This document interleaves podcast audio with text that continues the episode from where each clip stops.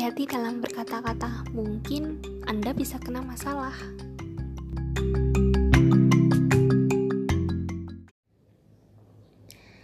Jadi belum lama ini itu ada sebuah artikel dari Detik News dan um, artikel ini cukup menggelitik sebenarnya karena judulnya itu adalah melawan para pemuja KBBI. Artikel ini juga merupakan sebenarnya ini artikel sentilan gitu yang ditulis oleh Iqbal Aji Daryono. Beliau ini pernah menerbitkan buku dengan judul Berbahasa Indonesia dengan Logis dan Gembira.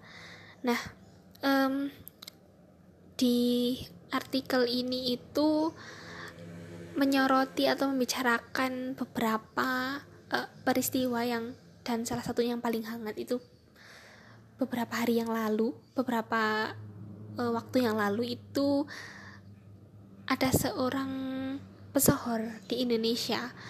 Di sebuah acara sang pesohor ini, beliau ini mengatakan bahwa mudik berbeda dengan pulang kampung.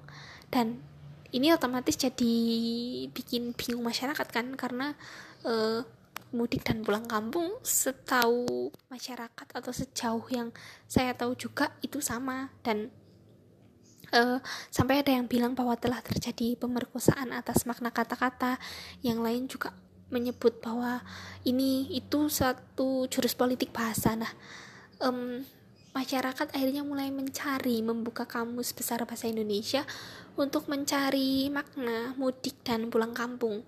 Dan memang di kamus bahasa Indonesia tersebut, mudik dan pulang kampung itu sudah jelas bahwa sepadan atau setara.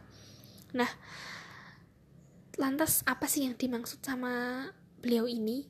Kenapa beliau bilang kalau mudik dan pulang kampung itu beda? Ternyata maksud beliau ini diketahui belakangan ini itu maksud beliau bahwa pulang kampung sementara ke kampung halaman saat libur lebaran itu beda dengan pulang kampung permanen atau tidak kembali lagi ke kota perantauan. Nah sialnya itu kan bahasa Indonesia memang kita nggak ada e, di bahasa Indonesia itu memang tidak punya istilah khusus yang membedakan antara dua jenis pulang kampung ini pulang kampung temporer dan pulang kampung permanen.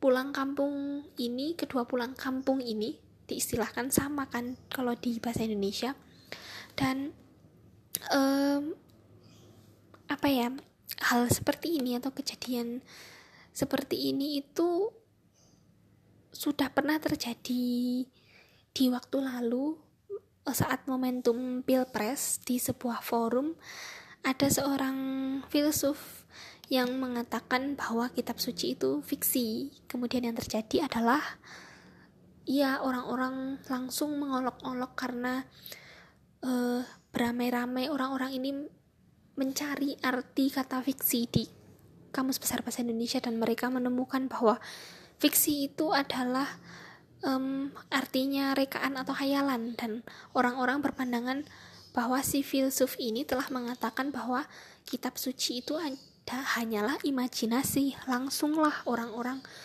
bilang wah ini penistaan agama. Harus segera diambil penindakan hukum dan lain sebagainya dan minta juga si filsuf ini untuk dipenjarakan.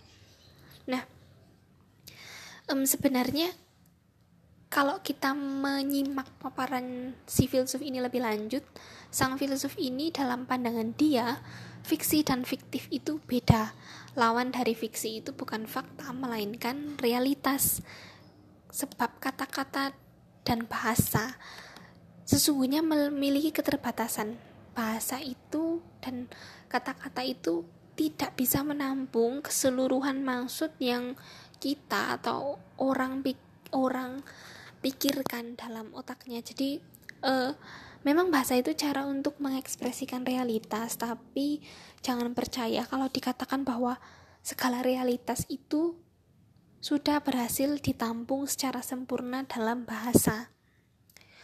Yang contoh tadi itu adalah bukti bahwa bahasa Indonesia belum mampu membedakan istilah mudik sementara dengan mudik permanen artinya bahasa Indonesia memiliki keterbatasan untuk hal itu kan?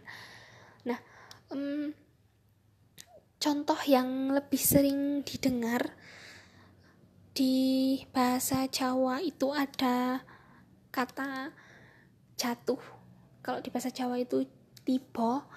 Nah jatuh ini di bahasa Jawa bermacam-macam. Ada jelungup ada ngeblak. Nah sedangkan di bahasa Indonesia jatuh ya hanya jatuh. Sedangkan jatuhnya seperti apa kita perlu membuat merangkai dengan kata-kata lainnya. Sedangkan kalau di bahasa Jawa jelungup itu sudah pasti jatuh ke depan dan kalau ngeblak itu jatuh ke belakang. Nah, ini ini contoh contoh bahwa bahasa Indonesia itu e, memang memiliki keterbatasan. Nah, tapi apakah itu artinya bahasa Jawa itu lebih baik atau lebih komplit tidak juga karena ada beberapa kata dalam bahasa Jawa yang hmm, kata bahasa Indonesia yang padanan bahasa Jawanya itu agak kurang pas atau agak mungkin agak aneh di dengar telinga. Contoh mau memperpanjang SIM. Memperpanjang ini dalam bahasa Jawa aki aku harus aki SIM. Itu agak terdengar kurang tepat dan e, memang saya belum menemukan kata-kata yang tepat untuk hal ini. Dan itu artinya memang bahasa Jawa pun juga memiliki keterbatasan dalam istilah. Nah, dari contoh-contoh yang tadi itu um, bagaimana mungkin pikiran manusia yang luas bisa di disimplifikasi hanya dengan kamus? Sedangkan kamus itu hanyalah produk budaya yang bahkan jauh lebih sempit daripada bahasa yang diwakilinya. Kamus besar bahasa Indonesia ini itu memang e, memuat makna yang telah disepakati dan telah menjadi konsensus masyarakat luas. Tapi makna itu bukan makna apa ya? Bukan makna yang final dan seperti harga mati. Makna tersebut bisa sangat diperluas. Termasuk bila si penutur menitipkan makna-makna baru. Contoh tadi sang filsuf menitipkan kata pikirannya dalam kata fiksi sedangkan sang pesohor tadi menitipkan maksudnya maknanya itu dalam kata mudik nah e, fakta itu juga lantas tidak mengandaikan bahwa dinamika kehidupan bahasa Indonesia itu telah berhenti hanya karena sudah terlanjur terpajang di dalam kamus besar bahasa Indonesia. Kemarin juga ada sebuah kasus ya e, peristiwa yang viral karena ada seseorang yang membagi-bagikan nasi bungkus tapi di dalam nasinya di apa e, di bungkus nasinya itu ada cap bertuliskan nasi anjing dan itu cukup menyinggung orang-orang karena apa? Mungkin karena anjing sudah dikonotasikan negatif di masyarakat. Padahal walaupun lauk pauknya atau nasinya segala macamnya itu tidak ada daging anjingnya dan tidak terkontaminasi anjing tapi tetap saja itu menimbulkan persoalan dan kalau nggak salah akhirnya nasinya itu diganti nama e, bukan nasi anjing lagi.